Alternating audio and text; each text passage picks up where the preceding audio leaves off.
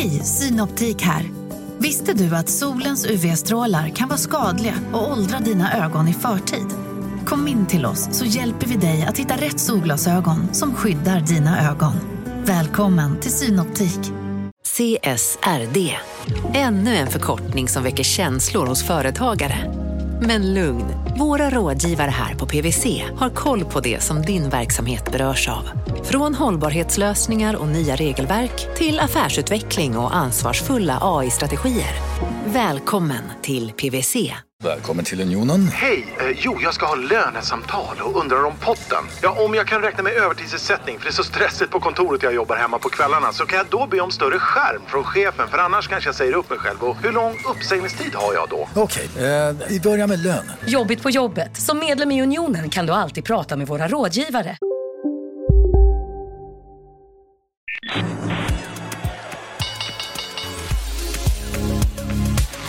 Här är Affärsvärlden Magasin med Helene Rådstein.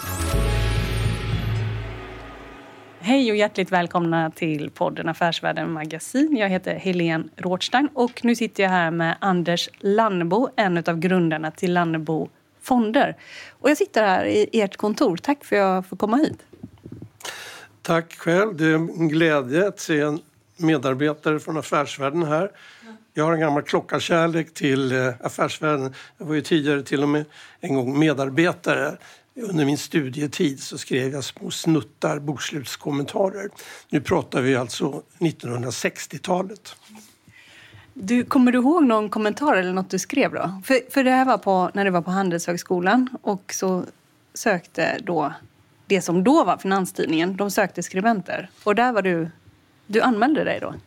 Ja, det var en, en eh, lapp i korridoren på Handelshögskolan. Finanstidningen söker eh, unga intresserade eh, aktiestudenter som kan skriva lite grann. Och jag nappade på den där annonsen och fick alltså då i bokslutstider framförallt uppdrag att ring den och den och intervjua eh, hur det går. Och eh, det var ju spännande. Jag var ju liksom 22-23 år. Va? Så att, eh, visste ju inte så himla mycket men jag hade ju ett brinnande aktieintresse. Det var ju därför jag hade sökt den här tjänsten. Vi sitter ju här på Lannebo Fonder. Ni fyllde 20 år förra året. Stämmer. Ja, men egentligen, det var inte meningen från din sida att ni skulle grunda Lannebo Fonder från början efter du hade hoppat av Robur. Vad var det som hände egentligen? Det stämmer att det var inte tanken. Jag, jag var ju VD på Robert, från 1981 till 1999. Det är ju alltså en väldigt, väldigt lång tid. Och eh, jag började känna att eh, nu räcker det. Nu börjar jag på varva ner.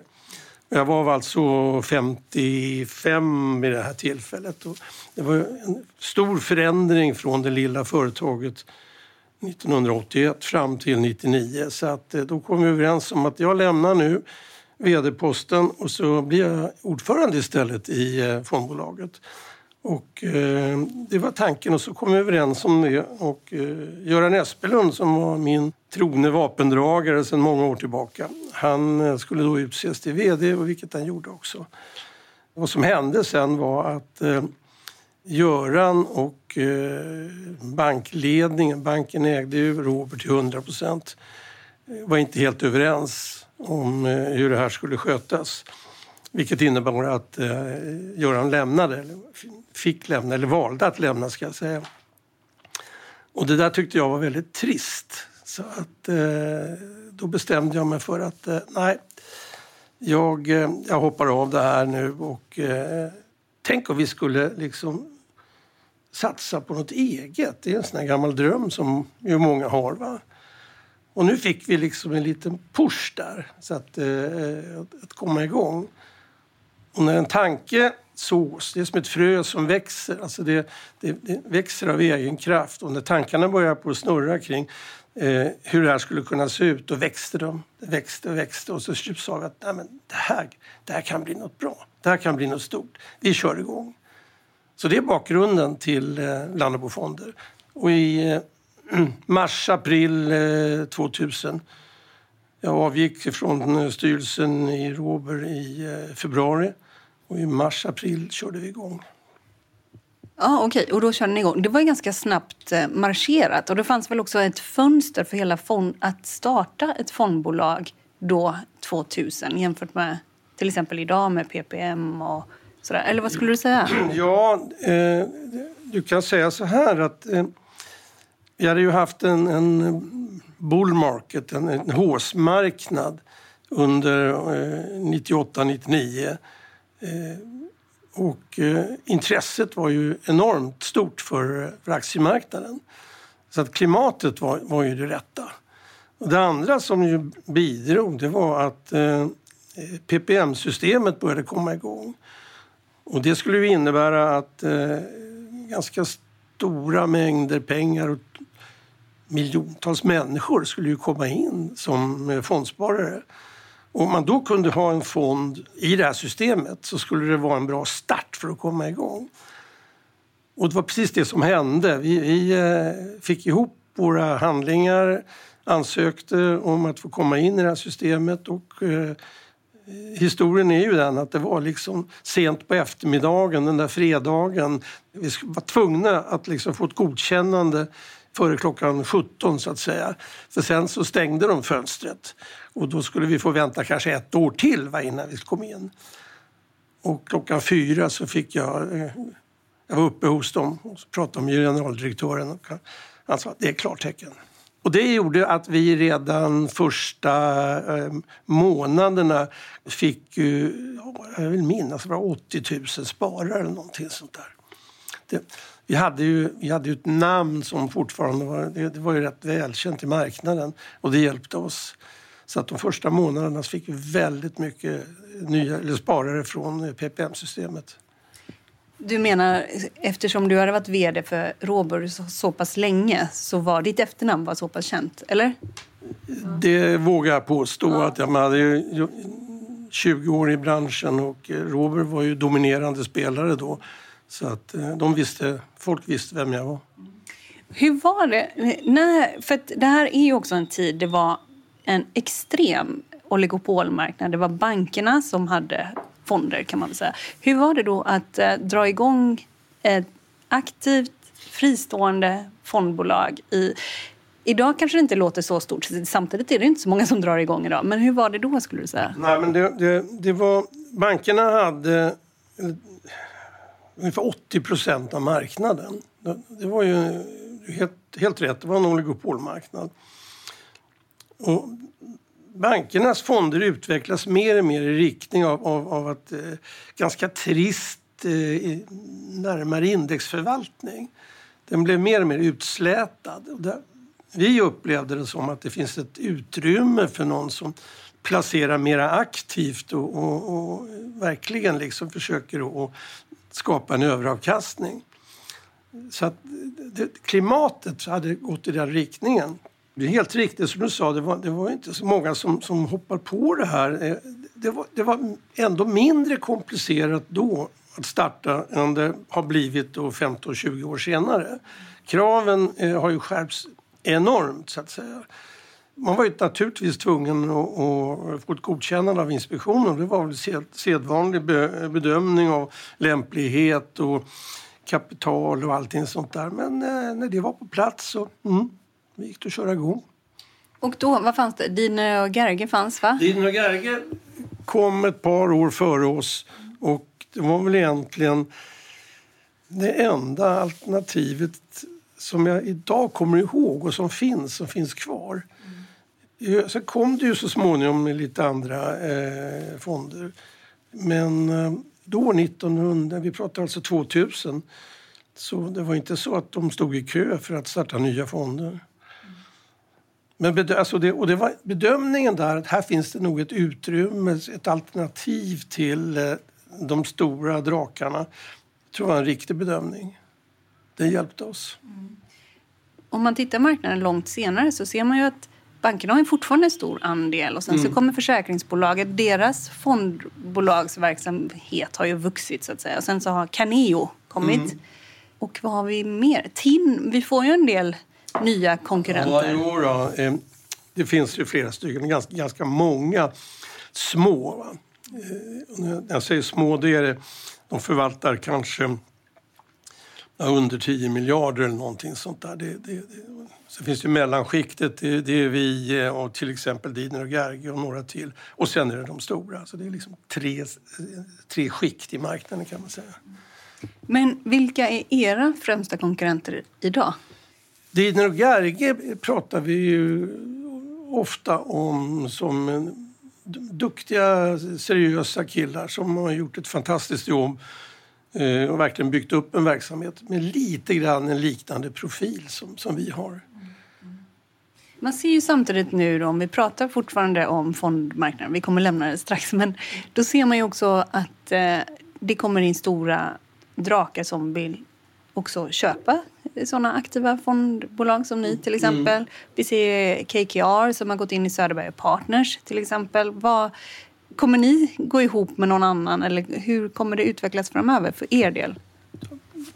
Det här är en jätteintressant fråga för det där är ju liksom den, den strategiska eh, vägen som man ska vandra. Det, det, är klart att vi funderar mycket kring de frågorna. Jag vet inte hur det kommer att se ut om några år men det rör sig i marknaden nu. Det kan, precis som du säger, eh, en del mindre har blivit uppköpta. Du nämnde Carneo som bygger ihop någonting. Ja, jag vet inte vad, vad som kommer att hända. Nej, men ni tänker också någonting eh, kommer liksom att hända framöver? Ja, men så är det. Den här branschen skiljer sig inte från andra i, i, i så mått att eh, det sker hela tiden strukturella förändringar framtvingade av vad som händer i, i, i marknaden eh, i världen. Jag nämnde här tidigare det här med regelverk och sånt som har blivit mer omfattande. Kostnaden för att driva verksamheten eller starta är ju väsentligt högre än det var för ett antal år sedan. Och det, det gör att du måste ha en volym som, eh, som kan bära de kostnaderna. Det är en sak som driver. Och sen den andra frågan är ju vilken typ av efterfrågan finns det på olika fonder? Och eh, det förändras ju också. Ta det här med, nu är det hållbarhet som, som väldigt stort. Va? Eh, teknikutvecklingen är väldigt stort. Det, det, det, har ju liksom drivit fram eh, förändringar och det kommer att bli mera sånt i framtiden. Vad, exakt vad vet jag inte utan man måste nog ha en, en, ett öppet sinne där och flexibilitet. Du lyssnar på Affärsvärlden Magasin med Helene Rådstein. Marknaden sponsras av SPP, pensionsbolaget. Eh, förra gången pratade vi lite om ITP. Och som en kort repetition så, så var det ju 70-tal, arbetsmarknadens parter bestämde att alla tjänstemän ska ha en tjänstepension. Man kom överens om vilka villkor som ska gälla i den här pensionen och så kallade man den för ITP. Så jobbar man idag som tjänsteman i ett företag med kollektivavtal, då har man förmodligen den här pensionen, ITP-pensionen. Eh, och det är ju så att man kan påverka eh, den här pensionen, hur den är placerad. Vart femte år så gör nämligen Collectum, som de heter, en enorm upphandling där olika pensionsbolag kan ansöka om att få förvalta eh, de här pensionerna. Och SPP är ett av bolagen som valdes ut i den senaste upphandlingen. Och sen kan du som pensionssparare välja eh, vilket av de här olika pensionsbolagen som, som då ska få ta hand om dina pengar. Och tanken med den här upphandlingen är ju att liksom kvalitetssäkra de här olika alternativen eh, men också att förhandla fram stora rabatter så att pensionsspararna ska få ja, kunna spara pengar genom att avgifterna eh, som är så viktiga eh, blir eh, lägre. Och vill man välja någonting i ITP-systemet då finns det en relativt ny sajt som heter avtalat.se. Ehm, där kan man gå in och se hur sin ITP-pension är placerad. Jag gjorde det häromdagen faktiskt. Ehm, idén är att hälften av pengarna alltid ligger i något som kallas för traditionell försäkring. Det här gjorde vi ett avsnitt om i podden Kapitalet nyligen eh, som vi kallade världens bästa sparform. kan man lyssna på om man är intresserad. Eh, den andra halvan eh, den kan man också lägga i en traditionell försäkring eller så kan man placera det i något som kallas för fondförsäkring. Eh, SPP som sagt eh, var ju ett av de fåtal bolagen som valdes ut i den senaste upphandlingen och de finns med som alternativ både med en traditionell försäkring och med eh, fonder. Så det var en liten bakgrund till ITP-systemet. Vill man läsa mer om det här eller typ kolla hur ITP-pensionen är placerad, eh, kanske göra förändringar, då går man in på avtalat.se. Eh, men tack säger jag till SPP som vill göra oss människor mer medvetna om hur enormt viktig pensionen är för oss som en framtida lön, men också som en positiv kraft i samhället eh, och förstås för att ni möjliggör eh, den här podden Marknaden. Om vi ska övergå lite till att prata om marknaden så tänkte jag, när ni drog igång, det var ju efter en tid där det varit väldigt håsat och sådär på Mm. börsen som du pratade om tidigare. Och eh, sedan kom då eh, en kris kan man väl säga. Ganska. Mm. absolut. Och hur skulle du jämföra, om du jämför när ni startade med den, jag vet inte, har vi kris nu? Nej, ja, eh, men, men, det beror på... Eh, men vi har en vilken hälsokris. Vi har en hälsokris kanske man kan, absolut, kan, absolut. kan, kan vi säga. Men, men vi har också väldigt eh, det är höga värderingar på börsen. Eh, Mm. flera bolag och sådär. Vad skulle du säga? Ser du några likheter här om du tittar 20 år tillbaka mot nu? Ja, Det, det finns alltid eh, likheter, det, det, det måste jag säga. Det finns ju tendens i dagens marknad till, till lite överspekulation. Det, är- det är helt uppenbart. Men sen kan man säga det att, att, att, det, att kurserna är så höga, att värderingarna är höga som du säger. Det har ju en rationell förklaring, nämligen att räntorna är, är så låga. Eh, nollräntor, minusräntor, eh, enorma liksom, likviditetstillskott. Det är klart att värderingarna går upp då. Det är inget konstigt med det. Så att risken eh, ligger ju att det här ändras så småningom. Inte att det är övervärderat i sig. Att, alltså finans, eller krisen, IT-bubblan ska jag säga. Det var nog kanske en annan typ eh, av, av bubbla än den vi har idag. Jag tycker att grunderna är olika. Det är inte en bubbla så länge du har låga räntor och tillgång på pengar. Du ser väl vad som händer när, när, när eh, Fed Reserve i USA och eh, ECB de kommer ju med nya stödpaket eller stimulanspaket hela tiden. Nu bara häromdagen så kom ju ECB och skulle liksom spä på ytterligare. Det är klart att eh, värderingarna hålls upp eller till och med går upp. Det, det, det, det, är, det är självklart. Börsen styrs inte av att det är liksom pandemi och oroligt och, och, och företagen är nervösa. Värderingarna styrs av eh, det allmänna ränteläget och tillgång på pengar. Folk har väldigt svårt liksom att förstå att kurserna kan gå upp när det är så hemska saker som händer ute i världen. Det är två skilda saker. Hur tänker du själv kring marknaden just nu? Alltså nu, nu sa du ganska mycket hur du tänker, men är du orolig för att, eh, ja, säga att vi får en inflation och Riksbanken höjer räntan för att eh, dämpa ner. Är du orolig för, för det scenariot? Eller? Ja, alltså att, att inflationen kommer att, att dra iväg, eh, det är jag helt övertygad om. Oh ja, oh ja. Men jag vet inte när. Timing is everything, säger man. Men, men inte när, men menar du liksom... Eh, eh, pratar du tio år? Ett, alltså, kan, Ja, det går inte att precisera på det sättet, men jag ser det ju liksom inte, jag ser det inte, inte imorgon. Va? Och speciellt, det var därför jag nämnde de här exemplen på, på eh, amerikanska centralbanken och eh, ECB. De vill inte att eh, det ska liksom eh, punkteras nu. Uppenbart inte. Och så länge de är så och spelar det spelet så tror jag att eh, marknaden kommer att hålla, hålla väldigt väl. och är det en, en bra tid framöver? Ja, det, nu är det det. Men, men så, du vet, har man varit med så himla länge som jag så har man ju sett att det kan ändras och det kan ändras snabbt och det kan ändras av orsaker som vi inte riktigt förstår. Ja, Jag, jag har ju varit med jag vet inte hur många sådana här kriser. Eh, du vet, en gång i tiden, det var, det var 1987. Svarta måndagen. Svarta måndagen, jag minns den väl. Vi hade Kuwaitkrisen, vi hade eh, finanskrisen, eh, vi hade IT-bubblan. Och jag kan, jag kan nämna ett, ett annat exempel. Nu är jag liksom historienörd här. Va? Vet, du vet, jag var ju, när jag började på att intressera mig för aktiemarknaden då hette inte Atlas Copco Atlas Copco, det hette Atlas Diesel. Det är inte många idag i Sverige som, som vet detta, men det var Atlas Diesel. Atlas Copco. Alltså pratar nu om, om 50-60-tal. Och jag var ju ung, väldigt ung och intresserad av börsen. Jag gick i skolan. Då hette det Atlas Diesel. I alla fall, jag började jobba med det här eh, 1968 på ett bolag som heter Kustos. Och det var också ett par år där kursen hade gått så här. Och jag var liksom, jag var master of the universe. Jag, jag visste ju precis, va? jag var 23 år och sånt där. Och jag kunde ju det här.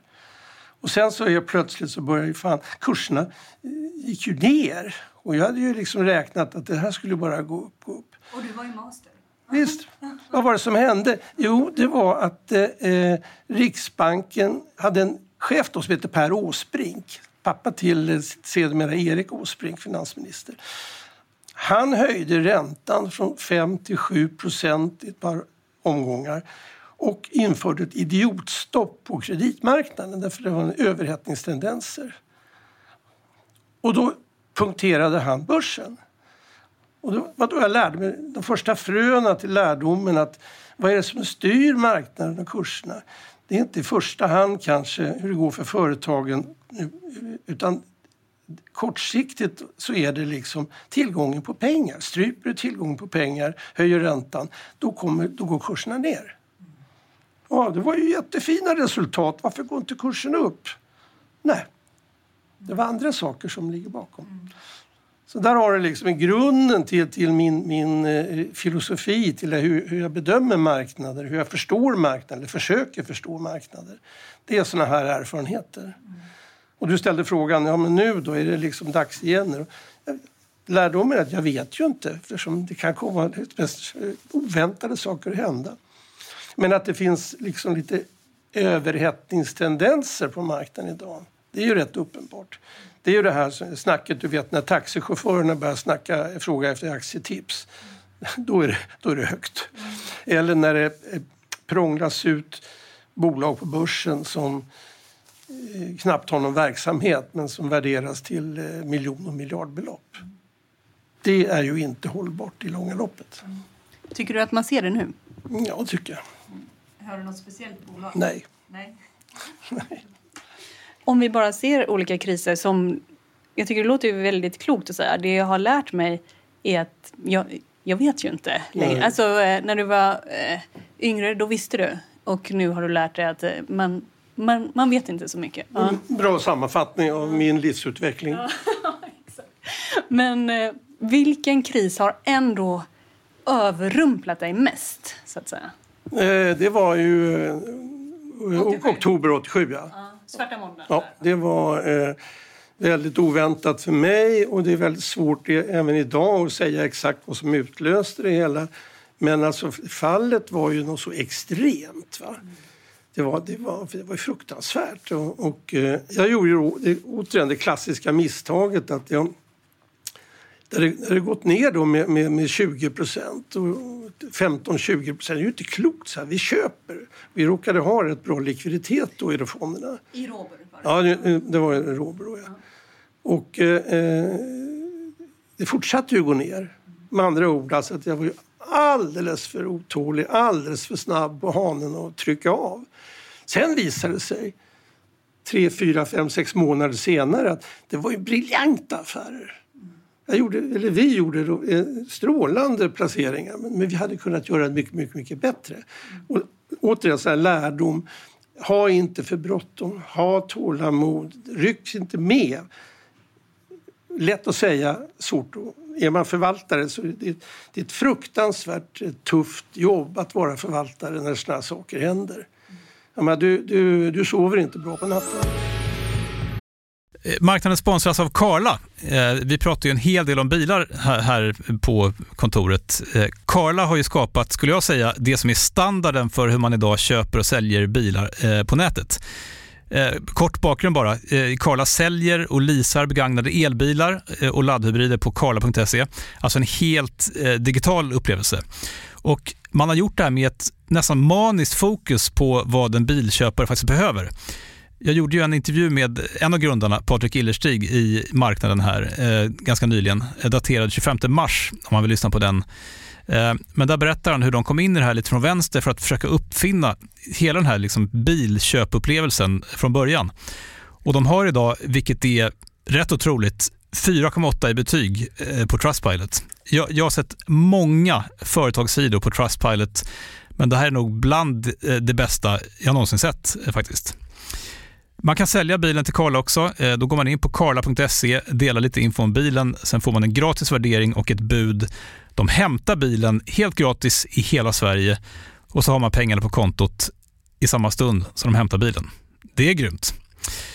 Eh, så ska du köpa en ny bil eller sälja din gamla, eller båda delar för den delen, gå in på karla.se och eh, kolla. Alltså karla.se och Karla stavas med C. Tack så mycket till Karla.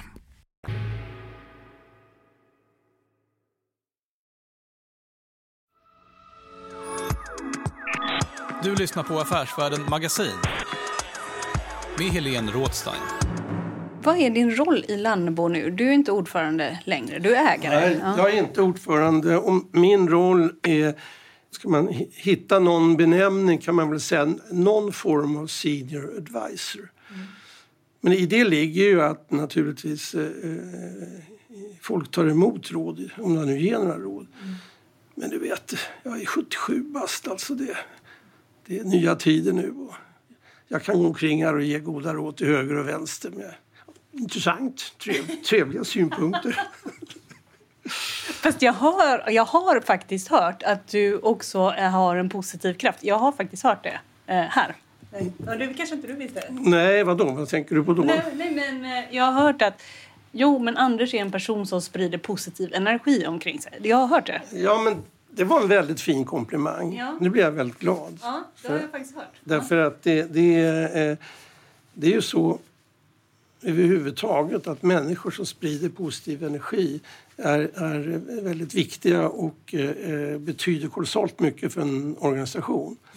Mm. Och om jag i någon mån kan bidra till detta så blir jag väldigt glad som jag sa. Några som jag tror att det är ganska svårt att vara chef över, det, liksom, det är ju förvaltare. Eh, du måste ju vara ganska tålig som person och du måste ju vilja synas och sådär. Hur har det varit att liksom ta in förvaltare och tidigare då liksom vara chef över dem? Det, var, det enklaste var eh, eh, när jag var eh, min tidigare karriär så anställde jag ju faktiskt eh, ett antal personer som jag har varit med och eh, utveckla. Det bästa är ju Göran Espelund som kommer från skolan mm. och som nu då är eh, drivande här.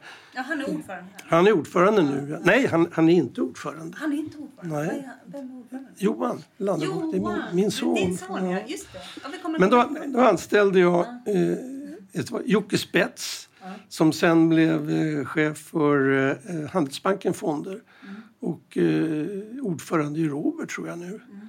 Jag anställde Jan Gurander som är vice vd på Volvo. Mm. Jag anställde Conny Jonsson som, start, som startade EQT. De var ju helt liksom... Det var ju krusbärskart, så att säga. De, de kom ju från skolan allihopa. Mm. Och det har naturligtvis bidragit till att eh, lära dem någonting. Men då var ju de gröna och jag var den erfarna. Det är klart, då var det lättare att sprida sina råd och sina synpunkter och allting sånt där. Men idag så är det ju liksom en helt annan eh, generation som, som eh, sköter detta, som kan det här mycket bättre än jag nu. Jag följer ju med naturligtvis, men det, det är inte jag som sitter inne med de stora, den stora visdomen längre. Vad skulle du eh, säga att du lärde till exempel en sån som Conny Jonsson? Kommer du ihåg något eh, där du sa, nej men så här, tänk så här istället? Nej, men jag, nej jag, det jag predikade det var ju att de, de skulle, eh, alla de här fick lära sig att skriva egna analyser. Och att Nummer två, eh, sitt inte på din kammare alltid utan gå ut och försök att träffa folk av alla de slag, inte minst de här i företagsledningarna i den mån man fick tillgång till dem. Ju större man är som förvaltare desto lättare är det att få tillgång naturligtvis. Mm. Eh, därför att du får alltid en input när du träffar andra människor. Mm sitta och granska tabeller och räkna procent. Eh, visst, det måste du kunna. Men eh, sen kommer det andra. Det tycker jag jag saknar idag, tror jag. Inte hos mina killar här, utan generellt sett tycker jag det verkar som att de... Jag tror inte de skriver analyser själva. De, förvaltar, de, lyssnar, de får ju rapporter hela tiden från banker, mäklare och andra. När jag började, jag, jag skrev analyser och in, kanske en effekt av det här med affärsvärlden en gång i tiden. Och då ville jag att de här som jag anställde, de ska också titta nu på det här bolaget, skriv ihop en analys och gör en bedömning vad du tycker. Det var liksom mitt mantra. Jag tror inte de gör så idag. Mm. Men då menar du också att man börjar från grunden. Man kan grunden och sen så vidare liksom ska man från något introvert där som man sitter med så är det också viktigt att göra liksom extroverta besök. Att... Ja, alltså det, det som... Mm, självklart, men jag tror idag så det här med... Jag, jag brukar skoja och säga så här. Alltså jag, eh, när jag lämnade Kustos, mitt, mitt första jobb i branschen, då kunde jag läsa en balansräkning. Eh, jag undrar idag vem som kan läsa en balansräkning. Mm. Kommer du ihåg något företagsbesök som du själv gjorde? Du hade gjort en analys och sen så gjorde du ett företagsbesök som fick dig att ändra någonting eller som fick dig att haja till på något sätt? Alltså, risken är ju eh, också sån där klyscha som man brukar köra med. Att man, man blir ju lätt kär va, i företag. Mm. Och blir man väl mottagen och, och allting så då får man omedelbart en, en positiv grundinställning. Mm. Det är farligt. Mm. När man är ung och oerfaren då går man ju självklart i den fällan. Mm. Jag gjorde företagsbesök som jag minns, det var i Trelleborg. Mm. Gum, gummifabrik. Ja. Alltså på den tiden var det ju liksom bara eh, bildäck och annat och såna grejer. Och så ska man göra en rundvandring i eh, fabriken. Mm. Och det var, det var inte så kul alltså för att det, det, det, var inte någon trevlig arbetsmiljö.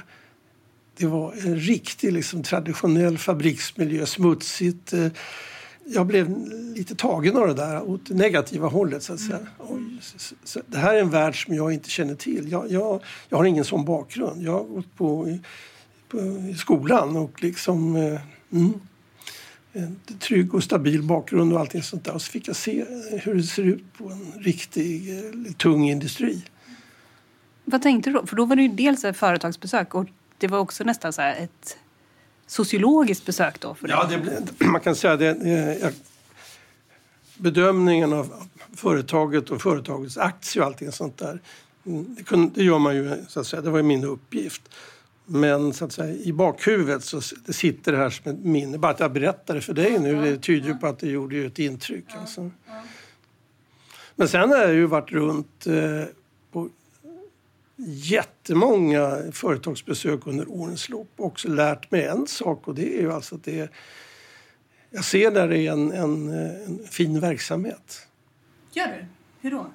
Det är rent och snyggt och, och lite ordning och reda och sånt där det lär man sig väl lite grann. Nu har ju det ändrats också för att arbetsmiljö och sånt idag är helt annan än det var för 40-50 år sedan. Mm. Jag har inte varit runt nu på länge så att jag, men jag tycker jag märkt det ibland att fan det här var välskött. Det här ser bra ut. Då får man ett positivt intryck. Mm. Entrén är snygg och städad. Och men, men det motsatta vore ju nästan märkligt, så att säga. I, idag alltså? Mm. Idag så skulle jag, om du åker ner till Trelleborg idag så är jag fullständigt övertygad om att det ser helt annorlunda ut. Mm. Och, och, allt, mycket av det här är, är, är borta. Så att, eh, jo, jo. Men, men, jo, jo men, men, men jag tycker det är intressant. Och vilket år var detta ungefär, tror du? Eh, ska se nu här. Nästan 50 år sedan. Mm. Det här är alltså i början på 70-talet. Mm. Jag var Kustos då, som var ett eh, investmentbolag, var stora aktieägare i, i Billerud, i eh, Höganäs. Höganäsbolaget eh, finns ju kvar. Eh, Trelleborg, det var, för att ändå vara nere i Skåne måste jag titta på det. Huvudstaden var ett stort innehav. Det hamnade ju så småningom på annat håll. Uddeholm finns inte kvar längre. Stålverk. Där har jag varit runt och tittat i de här företagen. Mm. Eh, när ni grundade, ni grundade med fyra fonder va? Det är en Sverigefond, räntefond, småbolagsfond, teknikfond, eller? Ja, just det. det, det, det precis. Småbolag, Sverigefond, Teknikfonden och en blandfond. En blandfond? Mm, just det. Ja. Och eh, eh, Teknikfonden, det var ju, där var vi ju lite eh, pionjärer. Så att säga. Det var ju Micke Näslund som jag följde med mig från Robert som hade kört Vision. Deras, nej, den hette Contura. Heter den. Mm. Det var ju en braksuccé då på 90-talet. Eh, Han fick ju ett starkt namn då, Micke. Och, eh, jag tror att det var den fonden, det var den populäraste fonden i, när det gäller antalet andelsägare när vi startade. Det var de, jag tror att vi, eh, vi kallade det för Vision då. Jag tror den hade, det var den som hade 80 000 andelsägare. Men det råkade ju då sammanfalla med att i mars 2000 så vände det. Det hade ju gått som en raket under ett, några år och i mars så toppade Nasdaq. Och vi startade efter mars. Så vi slapp det här första kursfallet och trodde i vår enfald att nu har vi varit skitsmarta. Nu har vi liksom kommit undan med blotta förskräckelsen. Och det visade sig att det var ju bara första vågen. Sen kom ju andra, tredje. Vi startade på 10 spänn. Vision bottnade på 1,67 tror jag. Och detta var precis i starten? Ja, det tog ett par år innan, innan, vi, innan det bottnade men alltså det, vi, vi, vi hamnade ju nästan direkt på minus och det fick vi ju så småningom äta upp. Va? Vad tänkte du då? För att eh, här, liksom, du blev entreprenör när du var 55 eh, någonting. Mm. Ja, tillsammans med Göran då. Och, eh, och, och sen så kom det här det föll till exempel i en av fonderna. Vad, vad tänkte du? Tvivlade du no någonsin på att ni skulle fortsätta? Nej, alltså det, det, det gjorde jag inte därför att eh, eh, småbolag blev ju då istället vårt flaggskepp. Mm. Och det är den största idag? Också. Absolut. Ja. Det, det, jag, jag, tror det är 30 miljarder eller någonting sånt där. Och den, den fonden gick ju väldigt bra ända in på eh, in på nästa år, alltså 2001. Så att vi, vi hade ju väldigt fin utveckling där och vi red ju på det så att säga. Mm. Sen kom ju den också så småningom att drabbas, men inte alls på samma sätt. Och sen vände det ju så småningom. Det, det var ju liksom 9-11 var ju kulmen på det här. Först jättebra, vi startade, det går jättebra. Och så kommer den här IT-bubblan som spricker, går ner. Och så kommer 9-11 Sen vände det. Men det var, liksom, det var en tuff period där. För sen, eh, efter de här fyra, så kan man väl säga att det har skett förgreningar. Eh, men det är ju fortfarande de här temana som ni har haft kvar. Mm. Alltså jag är väldigt stolt över att vi inte släppte tekniktemat. Mm. Vi hade väl diskussioner om att ska vi verkligen ha den här. Det gav ju lite dåligt namn till oss, dåligt rykte. Va? Vi förknippades med fick äta upp det här på såna här träffar och så. Men så, nej, så jag, jag var envis där. Att eh, det här, det här, det här kan, det kommer att vända, det kommer att vända. Och det gjorde det. Har ju blivit vår bästa fond och performancemässigt i sista fem åren eller sista sju, åtta åren. Men om man tittar också på flera av era fonder så eh, de har ju gått eh, bra, alla, eller många har gått bra. Mm. Men om man tittar på grannarna eller motsvarande fonder på andra ställen så skulle de kunna ha gått ännu bättre. Ja, så är det ju. Eh, man är aldrig alltid, alltid bäst, så att säga. Man har sina bra perioder och man har, man har sina sämre perioder. Och det viktiga är så att säga att, att se långsiktigt på det hela och eh, då ska man ha en anständig, bra avkastning. Helst naturligtvis i topp i tabellen. Men, men så funkar det ju inte. Vår småbolags småbolagsfond har ju varit en succé från, från början. Men det har ju varit väldigt eh, bumpy road som jag säger. Det är lite upp och lite upp och ner. Men eh, jag tror inte någon kan matcha det i långa loppet. Tror du inte? Nej, jag tror inte det. Mm. Men för min andra fråga var här, eh, som hänger ihop med det, är är det någon strategi? Alltså om man tittar på de här... Risk har ju premierats ganska mycket om man tar småbolagsfond och sådär. Och eh, skulle man ha tagit lite större risk på flera ställen eller teknik eller skulle ni ha varit med i fler eh, nyintroduktioner på börsen? Och så, liksom, finns det något sånt? Nej, den, på den frågan kan man, kan man säga det, det, det har inte varit någon, någon någonting som vi har haft anledning att fundera kring eller diskutera. Vi, du har en grundläggande strategi och det är ju liksom... Det, du måste, måste vara långsiktig. Och du ska inte hålla på och eh, hatta med att i börsen nu ser den bra ut, nu ser den dålig ut. Eh, eh, nu ska vi liksom, du ska ha en långsiktig strategi som du liksom ligger fast vid. Tro inte att du kan förutse börsens kortsiktiga svängningar. Det finns, det går inte. Däremot så kan du ha en uppfattning om vad som händer på lång sikt. Va? Och då måste du, det måste bottna i grundstenarna är då, så att säga, det ena är då penningpolitiken som jag har varit inne på, det här med räntor och sånt. Och det andra är att du måste bedöma eh, företagens eh, vinstkapacitet. Det är de två byggstenarna. En annan sak som jag tänkte på. Johan, din son, är ordförande här. Mm. Och eh, en sak som väl, om jag har förstått det rätt, han är också en av grundarna. Han kom från SCB e mm, och var med och grundade mm. detta. Hur har det varit att jobba tillsammans med sin son? Det har gått alldeles utmärkt. han, han, han, eh, Johan kör liksom... Eh, mm, han kör sitt race. Eh, han behöver inte hålla pappa i handen och jag vill inte hålla på honom i handen. Utan det har varit eh, helt eh, utan problem. Mm. Man, man, tror att det, eh, det kanske skulle vara väldigt så att, tajt även i arbetet. Men, men eh, jag tycker att vi har haft väldigt klara gränser för vilka roller vi ska spela. Ja, men för jag kan tänka också att eh, plötsligt eh, när man är sådär lite du måste ha jobbat ganska mycket tidigare när du var vd för mm. Robur. Mm. Och då kanske man inte sågs hur mycket som helst med sina barn. Och sen så ses man jätteofta, eller? Nej, alltså... Det,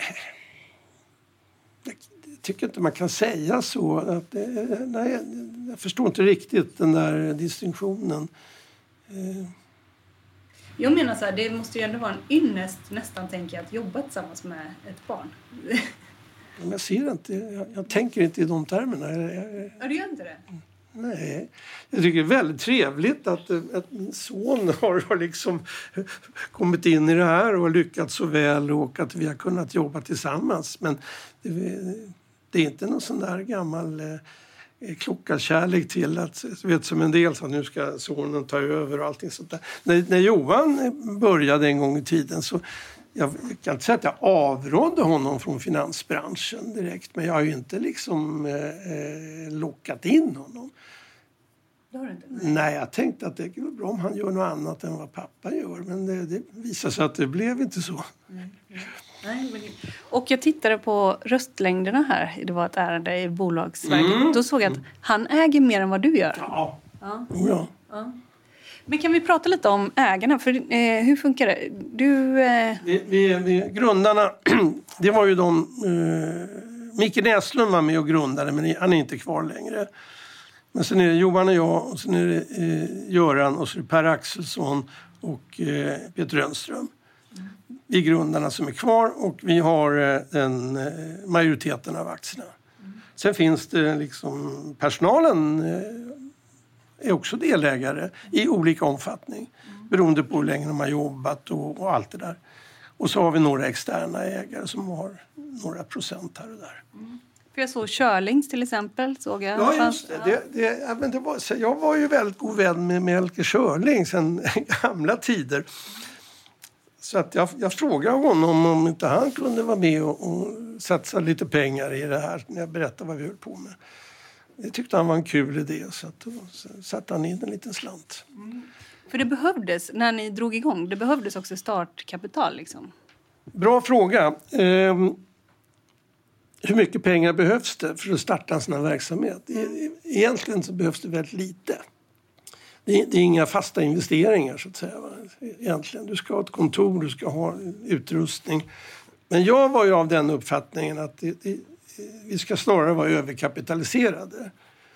Så, jag, så jag, jag, var väldigt mån om att vi skulle ha mer pengar än vad, absolut mer pengar än vad vi egentligen behövde. Mm. Så om jag minns rätt så hade vi ett eget kapital på var det, var det 28 miljoner när vi startade.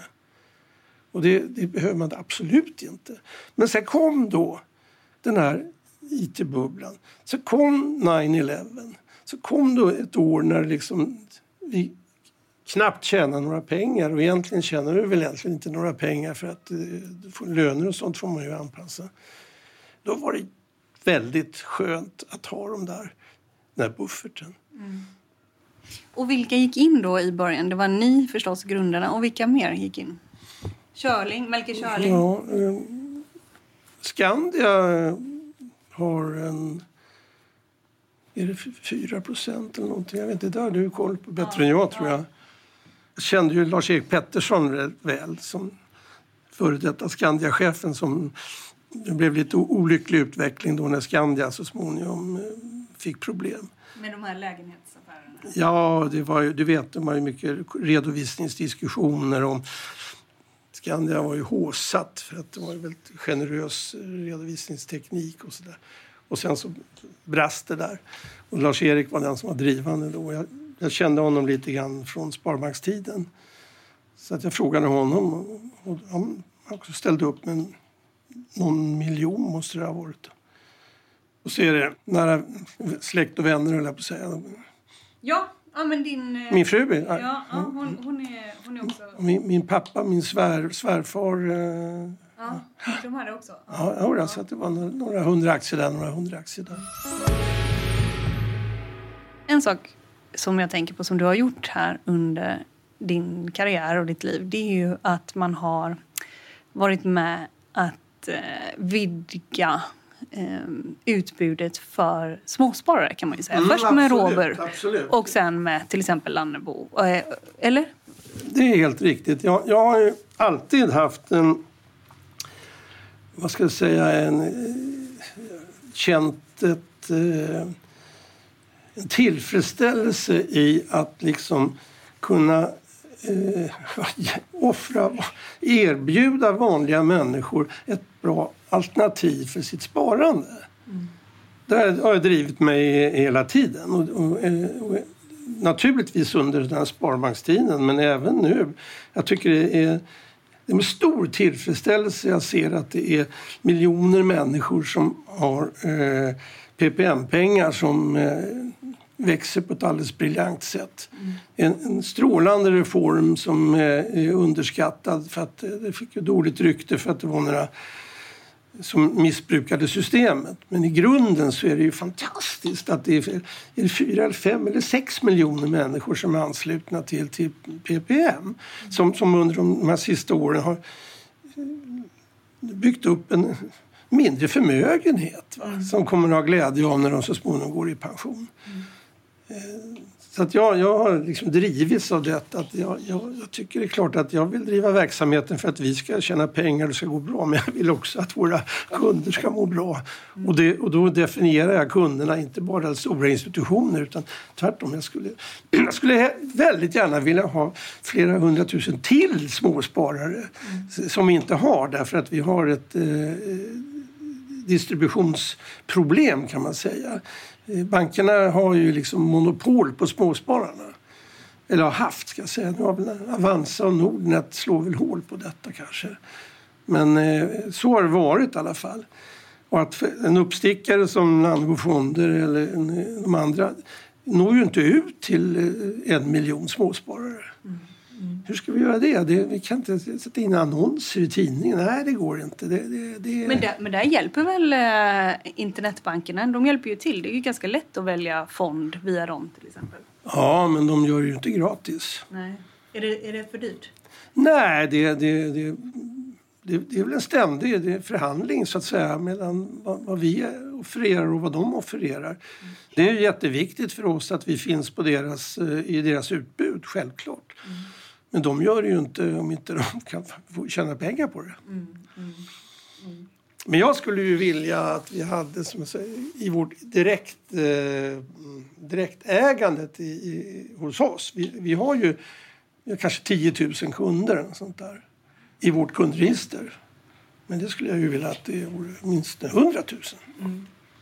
Har du någon eh, tanke eller vision om hur man, hur man skulle kunna nå fler eller, eller så? Alltså det, idag är det ju så att det är, nätet erbjuder ju andra möjligheter än, än eh, som jag sa, en tidningsannonsering. Stor. Det, det, det är ju ett väldigt opraktiskt och dyrt sätt att, att värva kunder. Men en bra hemsida, en bra webb, allt det där, det är det är en förutsättning. Och sen är det ju liksom det andra och det som alltid ligger i botten det är att om du pre presterar bra och får ett gott rykte. Det är det bästa reklamen du kan få. Så, så att det, några fonder som... ja, Jag märker det. Jag kan ta som ett exempel. Vi har, vi har en period just nu där vår, vår Sverigefond går väldigt bra. Det har inte alltid varit så. Det har varit upp och ner. Men just nu har vi en sån bra period. Så om du tittar i tabellerna ska du se att eh, Sverige plus och Sverige ligger eh, bland de bästa, nu kanske till och med bäst bland de här vanliga Sverigefonderna. Vi ser det direkt i vår försäljningsstatistik. Det, tar, det tog eh, det tar några veckor så börjar det slå igenom. Och om, om vi får en artikel i eh, Dagens Industri framför allt, eh, kanske inte Affärsvärlden, så har inte den spridningen, men i Dagens Industri där de uppmärksammar detta så är det vår bästa marknadsföring. Så att eh, du kan inte sälja någonting som inte är bra och tro att du... Det måste vara bra. Det måste vara riktigt bra. Action talks, så att säga. Ja. Ja, helt och hållet. Ja. Jag blev nyfiken på en sak bara. Vi ska strax avrunda. Men du sa att du väldigt tidigt hade ett aktieintresse. Var, var kom det ifrån från början? Jo, men jag, jag är, eller var sån här tabellnörd. Så att eh, redan som eh, 8-9-åring så, så följde jag ju med på eh, fotbollstabellerna. Engelska ligan, vilka lag som spelar. Jag satt och följde med där. Och så fanns det en annan tabell i tidningen, som, Börslistan, som jag inte visste vad det var men som jag blev intresserad av naturligtvis. Eh, Eftersom det var en tabell från Ja, början. ja, det är klart. Du vet, små, små killar eh, kan ju vara sådär. Eller även stora killar. Så då frågade jag pappa naturligtvis, eh, vad är det här? Och eh, då lärde han mig berätta precis vad det var och hur det går till. Eh, och där satt det. Och det var som jag sa, när jag var, när jag var 12-13 år så sprang jag ner på, frukostrasten och tittade på kurserna i bankfönstret. Hur Atlas, Atlas Diesel hade gått. Det var så? ja. Och eh, var var vi då? Är vi här inne i stan någonstans? Ja, då, då inne i stan. Mm. Nej, jag, jag överdriver lite grann. Så jag, jag, jag hade ju an, andra saker också. Men frågan var hur kom det sig? Och då sa jag att tabellnörd är svaret. Och lite då fotboll också, ett fotbollsintresse där från början Ja, också. ja sportintresse. Du, du vet, det, det är ju fortfarande så att eh, sportjournalister och andra, de är ju tabellnördar. Det är ju rekord. Är det rekord? Alltså, det, är, eh, det där det, det, det är någon egenskap eller, som jag tror många män framförallt har. Jag tror inte det är så många kvinnliga tabellnördar. Sitter du fortfarande och följer tabeller i tidningen och sådär? Eller när läste du en tabell senast? Ja, det är klart jag gör. Du gör det? Ja. När, jag var, när jag var grabb också, då kunde jag ju liksom eh, folkmängden i Sveriges eh, 130 städer. Eh, jag kunde nästan rangordna dem. Skitspännande. Jo, det kan det ju vara. Alltså, jag vet ju, du måste ju gilla det här The Economist som kommer varje, i slutet av varje år. Så kommer det ju jättemånga tabeller och olika... Ja, ja, jag kanske har dämpat det där lite grann. Nu är det mest det coronavirusets spridning som jag följer. Ja, du gör det. Ja, ja. Du, du, kan du det bra nu? Ja, jag vet ju att det det är 13 100 döda och 220 som ligger på IVA och och 4 procent av befolkningen är vaccinerad. Det här är ju intressant av flera skäl. Det behöver man inte vara tabellnörd för att vara intresserad av. Och har du något fotbollslag som du hejar på nu? Nej, Jag är djurgårdare. Rakt av? Ja. Är, är du... Eh, Och i bandy är det Västanfors. varför? Därför att min eh, pappa kommer därifrån. Okej. Men de åker ur tyvärr, det är division 2 för att det varit en dålig säsong. Men saknar du att gå på bandymatcher? Jag har inte varit på en bandymatch på, på 30-40 år men jag följer, jag följer dem på avstånd. I tabellerna? Ja. det är ingen tv-publiksport förstår du. Därför Nej. att man ser inte det röda nystanet. Nej. Det är för litet. Ja. Men det känns väldigt mysigt tycker jag. Jag har faktiskt aldrig varit på bandymatch men det ser ju ut som att det är väldigt mysigt med så här, folk står med termosar och sådär. Det är, det är lite myt kring det där men det, det, det ligger någonting i det. det, är det. Men det är, väl, det, det är ingen stor sport eh, i... eh, Jo, det är en stor sport i Hälsingland. I eh, Gästrikland, alltså Bergslagen och i Västergötland kring Lidköping av någon mystisk anledning. Det finns- små öar där bandyn är stor. Men jag är den enda på kontoret som eh, följer bandy. De, de, är fotbollsnördar här. Okej. Och, då, i- och vad det gäller engelska ligan? Ja, då är det Arsenal som är. Ja, är det? Ja. Jag säger tack till dig Anders Lannebo för att jag fick eh, komma hit och för att du tog dig tid att träffa mig. Trevligt att träffas. Tack så du ha. Du har lyssnat på podden Affärsvärlden Magasin med mig, Helene Rothstein, som idag har intervjuat Anders Lannebo, en av grundarna till Lannebo Fonder. För mer information och mycket mer journalistik, gå in på affärsvärlden.se. Och den här podden den är tillbaka om en vecka, eller nästa vecka efter det. Håll ut! Hej då!